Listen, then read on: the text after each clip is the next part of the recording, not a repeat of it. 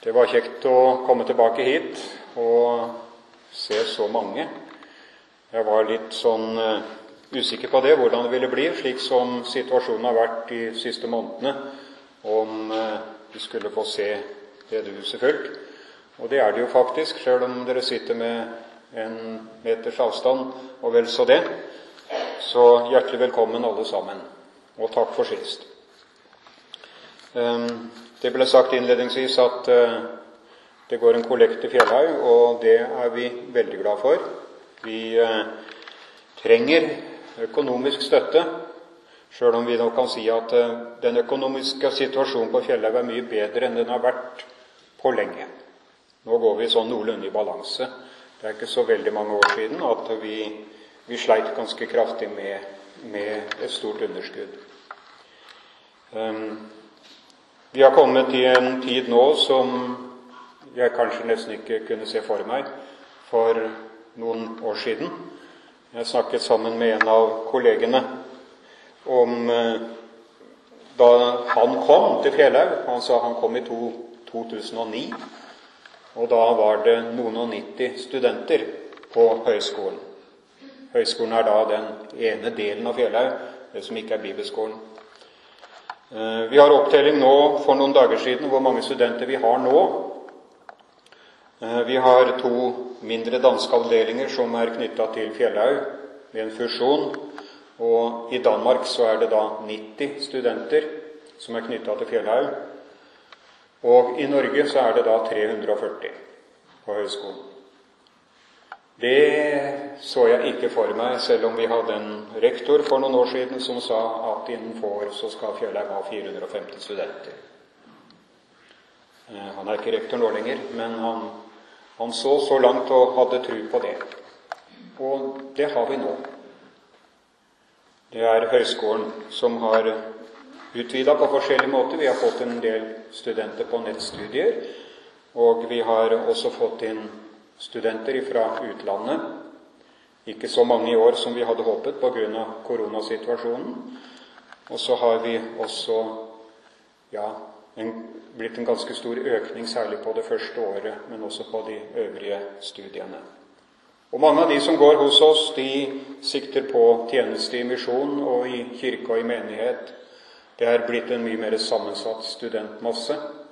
Og eh, vi utdanner selvsagt til tjeneste i Misjonssambandet, men i grunn så er det gledelig å se at det er flere som velger utdannelse hos oss, som også går inn i andre sammenhenger. Det er en veldig flott ungdomsgjeng vi har.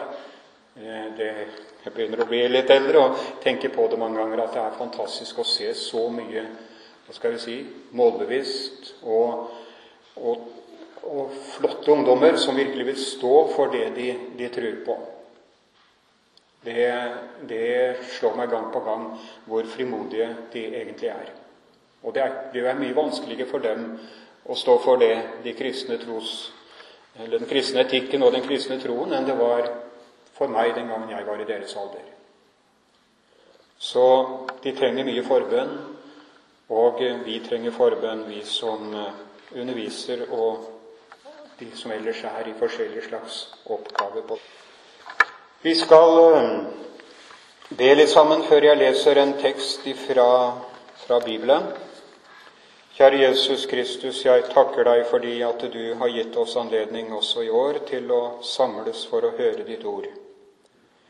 Be om at du må gi meg det jeg trenger for å forkynne det rett, slik at det blir til trøst og hjelp og til kunnskap for de som hører på. Vi trenger ditt ord, Herre Jesus, inn i vår tid. Vi trenger det hver eneste en av oss. Vi trenger møte med deg i ordet. Og takk, Herre Jesus, at du som er ifra evighet til evighet, ennå taler gjennom ditt ord om det du har gjort for oss. Takk, Herre Jesus, at du fortsatt og til evig tid er en soning for våre synder, at du har tatt bort alt som skiller oss ifra Gud og at vi kan få hvile i din nåde og din frelse. Amen. Eh, det ble to tekster som eh, jeg stanset opp for eh, med tanke på bibelhelgen dette året. Vi skal ha noe mer sånn foredragsaktig i morgen.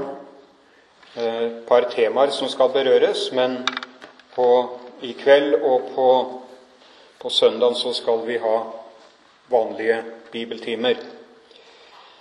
Og eh, Det var teksten i Andre Mosebok kapittel 3. Og jeg nøyer meg med å lese vers 13-14 der. Jeg vil tro at forsamlingen er ganske godt kjent med den teksten. Eh, det er Moses som møter Gud i den brennende tornebusken. Han eh, gjette småfe hos sin svigerfar, står det innledningsvis i, i, dette kapitlet. Og så ser han en busk som brenner, og busken den brenner ikke opp. Eh, og han går for å se hva det er, og så er det Gud som taler gjennom busken til Moses og pålegger ham å føre israelsfolket ut av Egypt. Jeg har hørt folkets skrik og deres nød, og jeg har sett det. Og nå vil jeg gripe inn, sier Gud. Og så er det Moses som vegrer seg veldig for å gjøre det som Gud pålegger ham og gå tilbake til sitt folk. Og så spør han skriver han, sier han følgende Da sa Moses til Gud, men når jeg nå kommer til Israels barn og sier til dem Deres fedres Gud har sendt meg til dere, og de så spør meg, hva er hans navn? Hva skal jeg da svare dem? Da sa Gud til Moses, Jeg er den jeg er. Og han sa, Så skal du si til Israels barn, Jeg er har sendt meg til dere.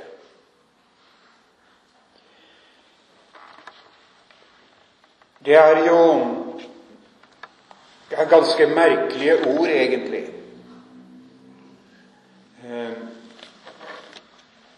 vi kommer midt inn i historien om Moses, som eh, blir kalt av Gud til å føre israelsfolket ut av fangenskapet som de er i i Egypt. Og eh, folket har vært der i 430 år, regner man med. De var de kom til Egypt allerede i forfedrenes tid. Det var Josef og Jakob, hans far, og alle, alle de brødrene til Josef. Vi kan den historien fra søndagsskolen sikkert, mange av oss. De kom til Egypt, og, og der fikk de bo i Gosen. De var et slags favorisert og privilegert folk over lang tid. Men etter hvert så vokste de seg så store at de ble en trussel for, for farao og myndighetene. Og det strammet seg til mellom Guds folk og, og Egyptens fyrste. Og eh, årene gikk, og de ble et underprivilegert folk, kan vi si. Et undertrykt folk. Et folk som blei satt til slavearbeid. Et folk som måtte holdes nede. Og eh, vi kjenner historien, hvordan det begynner i det første kapitlet i, i andre Mosebok, der det fortelles om, eh, om en farao som kommer med en lov om at guttebarn skal, skal drepes. De ville, få, de ville kue folket slik at det ikke kunne bli en trussel. Og det ble, det ble faraos, eller Egyptens jordmødre, eller de israelske jordmødrene ble pålagt å ta livet av guttebarna. Men de gjorde ikke slik som farao ble påla dem, fordi de fryktet Gud, står det. Kanskje vi kan si at det er første gang det står i Skriften om sivil ulydighet. Om mennesker som lyder Gud mer enn mennesker, og som faktisk velger å gjøre noe annet enn det daværende myndighet påla når man sto i en konflikt mellom hva Guds ord og bud sier, og hva myndighetene sier. Det er en ganske alvorlig og voldsom historie, og eh, vi husker fortellingen om Moses. De reddet ham ved å, å sette ham på vannet i en liten kurv, og vi, han ble plukket opp av selveste en av disse prinsessene i, i slottet i Egypt, og han blei oppdratt der. Og ble jo en prins, en privilegert person, som ikke glemte sin opprinnelse. Så han da var i 40-årsalderen, ja, så, så griper han inn når en egypter slår en av hans landsmenn, ja, så dreper han egypteren.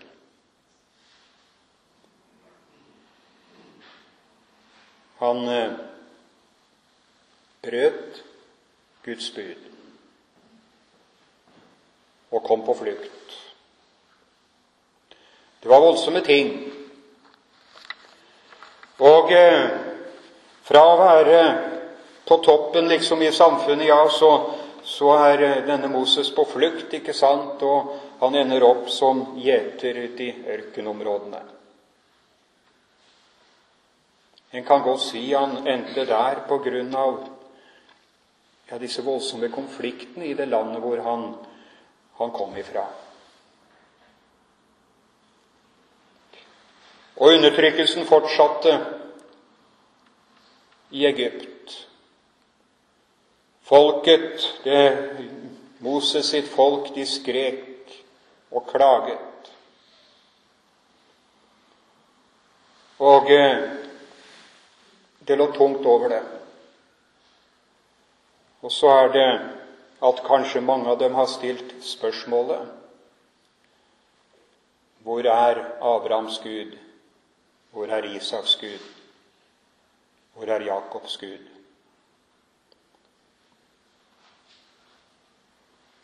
Vi ser ham ikke. Vi opplever ham ikke. Hvor er han? Og en kan jo lure på om noen av oss som sitter her, noensinne har ja, Eller kan si at vi ikke har latt det spørsmålet slippe inn over oss av og til. Jeg har snakket med mange kristne som har stilt det spørsmålet. Hvor er Gud? Hvor var Gud da det sto på som verst? Og jeg tenker det at vi har lov til å stille det spørsmålet. Men det kan i grunnen bli forferdelig tungt og vanskelig for oss å slippe det altfor nær innpå oss, tenker jeg. Men det var nok ikke så rart om de, de kanskje stilte det spørsmålet, de som, som var i den situasjonen de befant seg i i Egypt.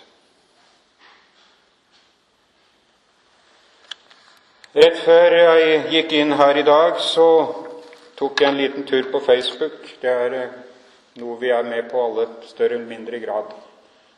Det var en av mine Facebook-venner som delte en sak som jeg så vidt fikk høre om for noen dager siden, om eh, en ny lov i Nederland. Nå er det på trappene i hvert fall, med en lov som tillater eutanasi for barn under tolv år.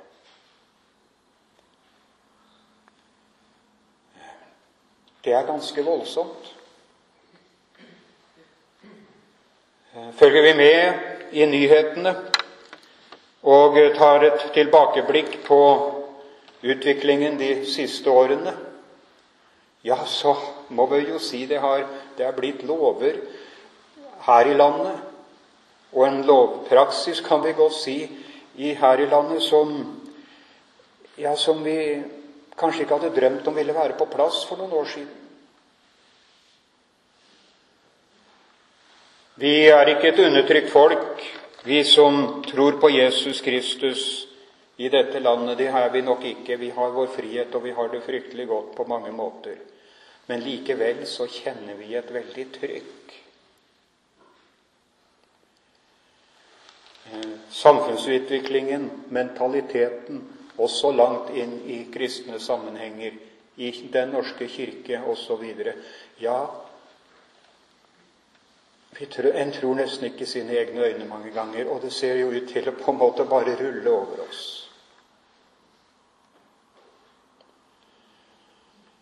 Og så spør vi hva med deg, Gud? Det blir ekstra vanskelig, det spørsmålet, når noen da mener å ha Gud på sin side, når de faktisk argumenterer for noe som, ja, som Bibelen sier nei til. Hvor er du, Gud? Og hvem er du? De spørsmålene de kommer til oss, og vi kan i grunnen ikke bare holde dem fra oss og, og skyve dem fra oss. når de bare trenger seg på. Ja, så har man, kan vi jo godt si, at at vi har gått gjennom en form for krise. Det er opplevd forskjellig. Eh, koronakrisen den rammer andre land mye sterkere enn oss, men den rammer her òg. Og det er flere enn én en som kanskje har opplevd det hele, eller situasjonen har fått konsekvenser for noen som ja, som det blir, det blir vanskeligere for noen enn for andre. Når det gjelder arbeid osv. Eller sykdom. Eller ensomhet. Isolasjon. Ja, har du glemt oss, Gud?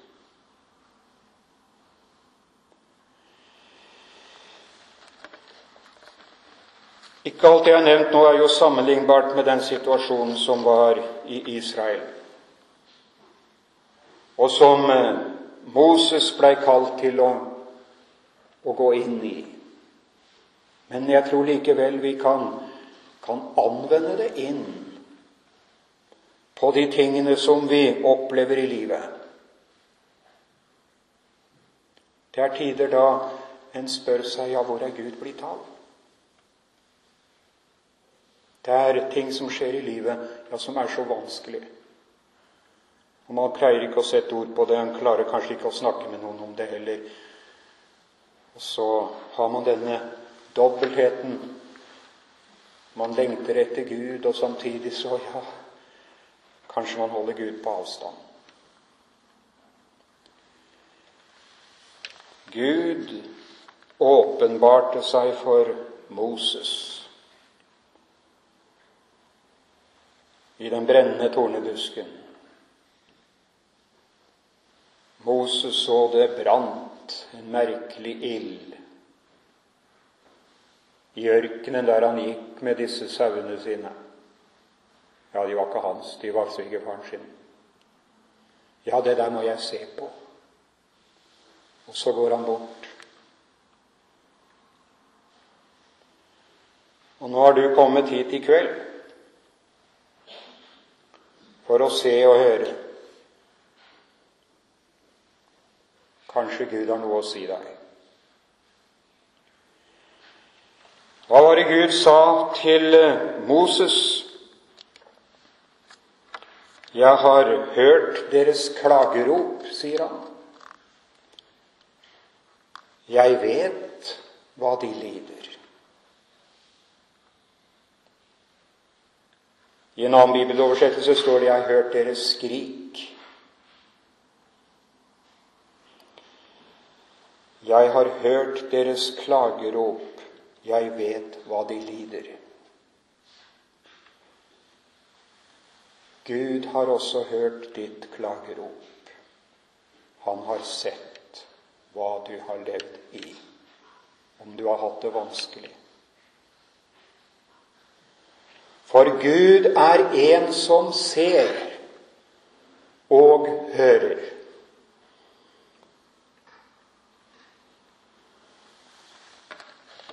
Og så vil han komme inn i ditt liv på nytt. Og det var i grunnen sånne ting som jeg tenkte på da jeg leste denne teksten. Gud, Moses spør Gud, som har pålagt ham å tale til farao og til folket. Når de spør meg Når de spør meg hvem som har sendt meg, og når de spør etter ditt navn, hva skal jeg da svare dem? Og svaret det er Jeg er. Her kan jo lure på ja, hva er det svaret? Det er mer å si. Men når Gud sier 'jeg er', så benekter han enhver tanke om at han ikke eksisterer.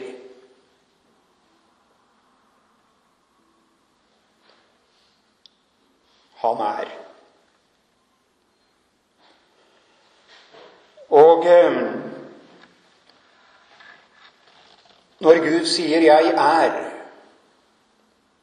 ja, så bruker han Ja, for dere som husker litt av grammatikken. Han taler i presens. De som eh, bygde eller tenkte teologi i Oldkirken, de var i grunnen veldig opptatt av det at Gud talte i nåtidsform. Altså presens. For det som er i nåtid, til enhver tid. Det er verken fortid eller fremtid. Eller det er både fortid og fremtid. Jeg er. Når Gud sier det, så sier han egentlig at han er evig. Augustin utviklet sitt begrep om evigheten av dette ordet og konkluderte med at Gud er evig i den betydning at han er i et samtidighetsforhold til alt det vi kaller fortid, nåtid, øyeblikk. Gud ser alt i samtidighet. En ufattelig tanke. Gud er i forhold til ethvert tidspunkt. Og han ser. Og han hører. Jeg er har sendt meg til dere. Gud er i den forstand at han er uforanderlig. Menneskers lover og bud og tanker beveges fra det ene til det andre. Og vi kan også se, når vi leser Det gamle testamentet og sammenligner med det nye, at Gud har talt og innsatt ordninger som gjelder for en tid. Spise lover, f.eks. i Moseloven, ja, de har sin tid. Men samtidig så har Gud også talt ord som gjelder fra evighet til evighet. Og det handler om de budene han har gitt oss. Om kjærligheten og om Hans nåde og frelse. Den er uforanderlig. Gud er.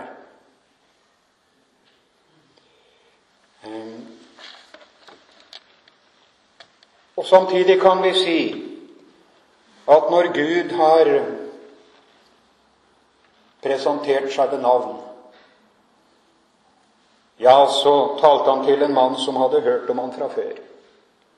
Hørt om at han var Gud som ga pakten og løftene til Abraham, som bekreftet dem for Isak og for Jakob osv. Hadde hørt om Guds løfter. Men nå får han også høre Gud er og blir den Gud han har trodd på. Og kanskje du kan ta det til deg. Den Gud du har trodd på, og som du har møtt i Bibelen, han er den samme. Og så kan det godt føyes noe mer til. Når du får et navn på en person, ja, så har du ikke lært personen å kjenne fullt ut bare ved å få navnet. Ved å bli kjent med personen, ja, så, så fylles navnet med et innhold.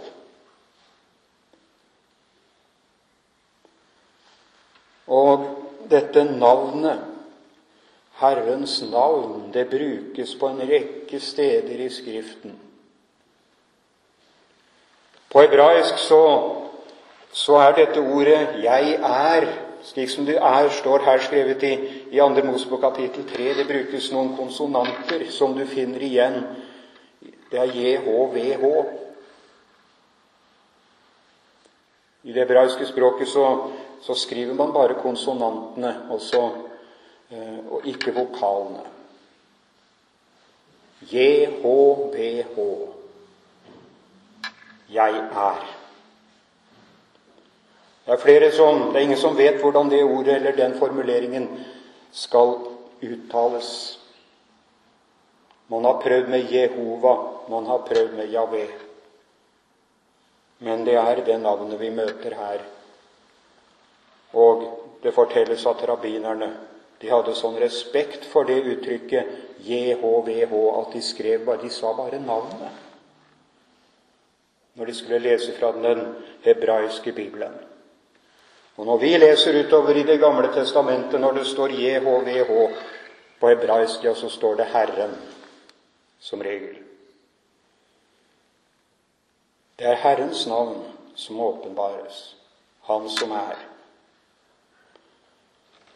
Gud har et navn. Og ettersom navnet brukes og åpenbares, og det fortelles mer om den personen som bærer det navnet, ja, så blir det klart for oss hvem Gud er. Vi tar et sprang til Filippebrevet, kapittel 2,9. Og da er vi plutselig i en av disse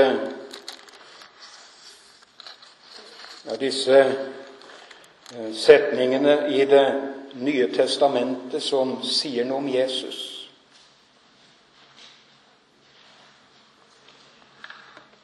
Det står i Filippbrevet 2,9 om Jesus Kristus. Ja, vi kan, vi kan godt lese litt forut for det som står der òg.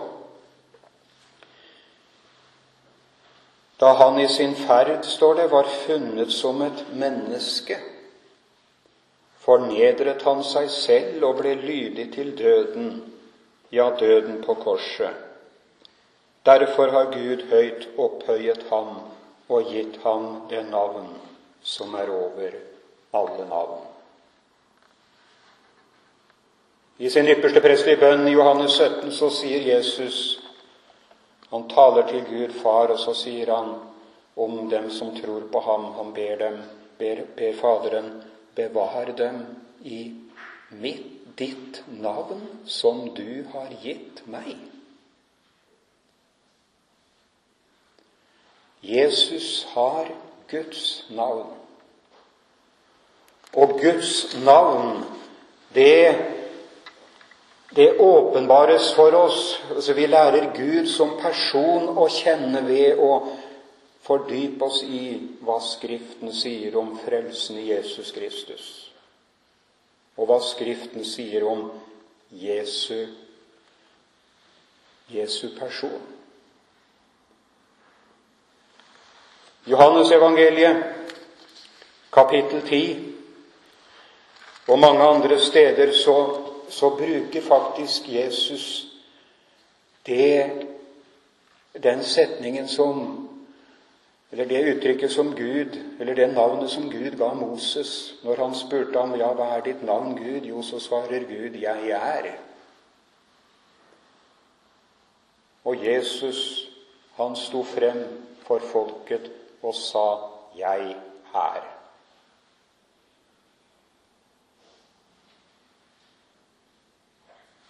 Og det var helt umulig å akseptere. For han utga seg for å være Gud og å ha Guds navn. Jeg er den gode hyrde, sier han. Jeg er. Jeg er døren. Jeg er den som gir sitt liv, gir sitt liv for fårene.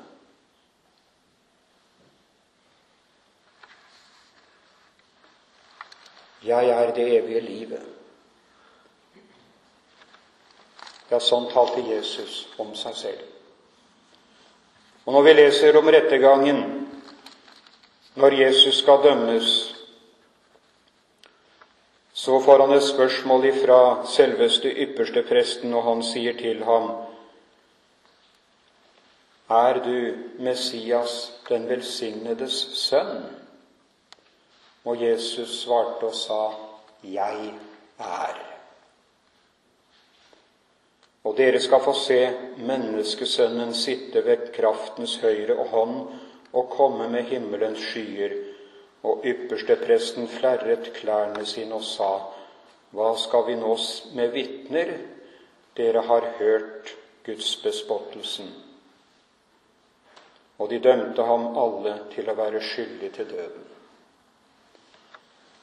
Ja, liksom Gud presenterte seg for Moses og sa hvem han er. Hvem han er. Slik presenterer Gud seg også for ypperstepresten i Jesus Kristus. Og liksom tornebusken ikke brant opp slik kunne heller ikke Jesu person tilintetgjøres. Men han gikk likevel gjennom døden og ilden og smerten for å frelse oss. Det er Gud. Jeg er. Jesus er den personen ja, som møtte Gud, eller som møtte Moses i tornebusken. Jesus Kristus er i går og i dag og til evig tid den samme, leser vi. Og da kan vi få stole på Han har hørt ditt skrik. Han har sett din nød. Han vil inn til deg. Og hvordan kan jeg ta det til meg? Hvordan og hvordan skal vi jeg har på å si tale til mennesker i vår tid? Som jeg nevnte i stad, så, så er det jo så mange lover og eh, oppfatninger som helt klart kommer i strid med Guds ord. Denne nye loven i Nederland er jo bare et eksempel, men kanskje noe av det mest, det mest voldsomme til nå. Eutanasi for barn under tolv år. Ja, vi kan kanskje ikke forestille oss hvordan det er å ha et sykt barn. Det skjærer dypt inn.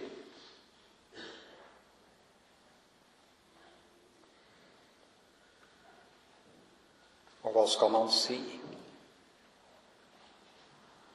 hvordan skal man tale om det som Bibelen kaller synd? Hvordan skal man tale om det til folk som ser på det som det eneste riktige i verden? Ja, det har jeg lurt på mange ganger. Men jeg tror i hvert fall at det er veldig, veldig viktig å få sagt at han som er Frelseren, også har tatt på seg de syndene som mennesker ikke vil innrømme er synd.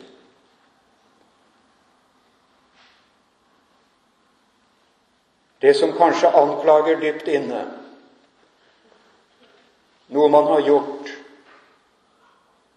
fordi man anså det som nødvendig. Ja, hvordan skal man tale om det? Jo, en må i hvert fall få sagt Jesus har tatt alt på seg. Det er betalt og gjort opp. Også for det moderne menneskets synder.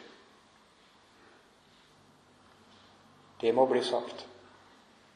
Og det står en åpen dør for hvert menneske. Selv det som man ikke vil, be, vil innrømme eller slippe inn på seg og, og innrømme dette var galt ifølge Guds ord. Ja, Jesus har tatt det på seg. Han har gjort opp for det. Det er ikke farlig å komme til Han med det.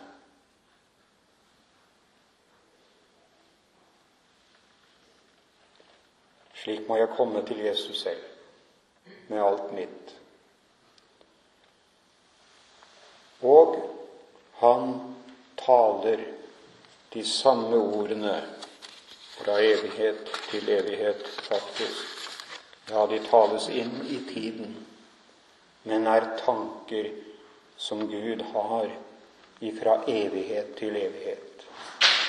Det høres sikkert litt rart ut å drive med grammatikk på et bedehus sånn som jeg gjør, men jeg kan liksom ikke la det være. Jeg er veldig, Det fascinerer meg mange, når jeg leser i Bibelen og ser at det, at det enkelte steder så taler Bibelen i nåtid. Og Jeg har ikke vært oppmerksom på det bestandig, men, men allikevel så når jeg tenker tilbake, så når jeg leser f.eks. gjennom ja, la oss si de siste kapitlene i Jesajas-boka så er det mange steder at, at ordet taler i nåtid. Og det er sånne ord som en tar til seg. De er ikke talt bare inn i en historisk situasjon om, og meddeler ikke bare noe som Gud sa en gang til folket når de var i den og den situasjonen for mange hundre år siden. Nei, ordene taler i presens, i nåtid. Og da tenker jeg Da taler de til meg. Da er de talt av den Gud som er evig og hevet over tiden, ubundet av tiden. Det er ord ifra den evige Gud. I begge mine hender har jeg tegnet deg. Dine murer står alltid for meg. Jesajas 49, 16. Dine murer står alltid for meg. Ja, hvor mange mennesker er det beregnet på? Hvor mange kan ta det til seg? Jo, alle de som hører det. Det er den allvitende Gud som sier det.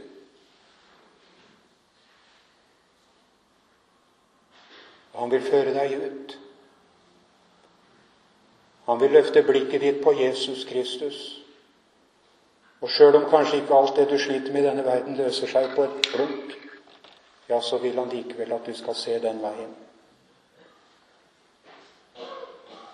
Det at Gud kommer inn som person i ditt liv, det kan veie opp i forhold til det som kan være tungt og vanskelig. Jeg er den som utsletter dine misgjerninger for min skyld, og dine synder kommer jeg ikke i hu. Det står i presens. Og jeg er så glad jeg kan ta det til meg hver eneste dag. Og Det er ikke alltid jeg tenker på det, og det er ikke alltid jeg tenker på det hver dag heller, men det der gjelder for meg. For noe syndfritt menneske har jeg aldri blitt, og jeg kommer aldri til å bli det heller. Men mine synder og misgjerninger, et enda sterkere ord, ja, de er utslettet. Og ikke bare mine, men også alt det som vår generasjon har på samvittigheten. Også det ble regnet med. Også det vi ikke kan sette bånd ja, ikke forstår. Også det vi holder skjult i våre tanker og i vårt hjerte, og som kanskje veldig få vet om, eller ingen vet om. Ja, Gud vet om det. Han som er. Og han vil ikke noe annet enn å ha deg og meg. Og Guds navn ble åpenbart i at Sønnen, Jesus Kristus, tok all verdens synd på seg, sonet og betalte den. Og Derfor står det om han i 1. Johannes brev, kapittel 2. Han er en soning for våre synder. Takk, Herre Jesus Kristus, for ditt ord til oss. Jeg ber om at du må stelle med oss hver enkelt, slik at vi kan ta det til oss og hvile i det. Takk at vi skal få slippe å skjule noe for deg. Takk at vi kan komme med alle våre spørsmål og gåter til deg. Takk at vi kan få komme med skrikene våre, med det som er vondt og vanskelig, med gåtene i livene våre. Takk at du ser det, Herre Jesus, og takk at du har gått inn i det, at du vet hva det er å være menneske. Takk at du er en ypperste prest som har medynk med oss, og som elsker oss så høyt at du ga ditt liv for oss. Amen.